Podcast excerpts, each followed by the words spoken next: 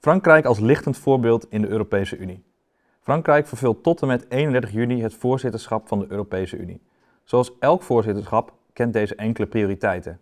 De belangrijkste hiervan bevinden zich op het vlak van de klimaattransitie.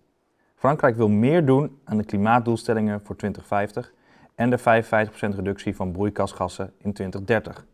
Dit betekent concreet voor de landbouw dat er Europees wordt ingezet op een uitfasering van pesticiden en de lang aangekondigde revisie van de zogenoemde Sustainable Use of Pesticides Directive, ofwel de SUD. Dit draagt bij aan de doelstellingen van de Farm-to-Fork-strategie om in 2030 de helft minder pesticiden te gaan gebruiken.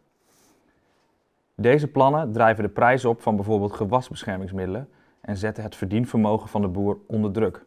Echter, dit is niet het hele verhaal.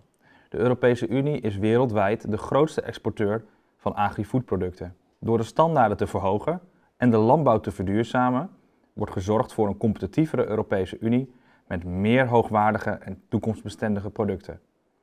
De Franse plannen zijn daarom vooral Europese plannen en dienen daarom ook de individuele Nederlandse boer.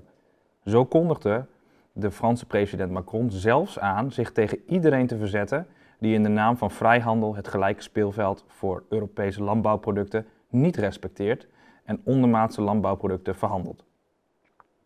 Dit zette hij kracht bij door het voornemen uitspreken te willen stoppen als EU met de vrijhandelsakkoorden met Chili en Nieuw-Zeeland. Akkoorden die volgens Frankrijk te toegevelijk zijn qua landbouwstandaarden, wat weer ten koste gaat van de Europese boeren. Ook voor de Nederlandse boeren zijn de plannen financieel gunstig, omdat zij op grote schaal exporteren. De Franse plannen zorgen voor een gelijk speelveld voor alle Europese boeren en bieden bescherming tegen oneerlijke concurrentie. Het oude beeld van de Fransen die ontwikkelingen binnen de landbouw tegenhouden, ten faveur van de individuele Franse boer, klopt niet meer. Onder het Franse presidentschap worden plannen uitgerold voor de Europese landbouw en hier heeft de Nederlandse boer juist baat bij.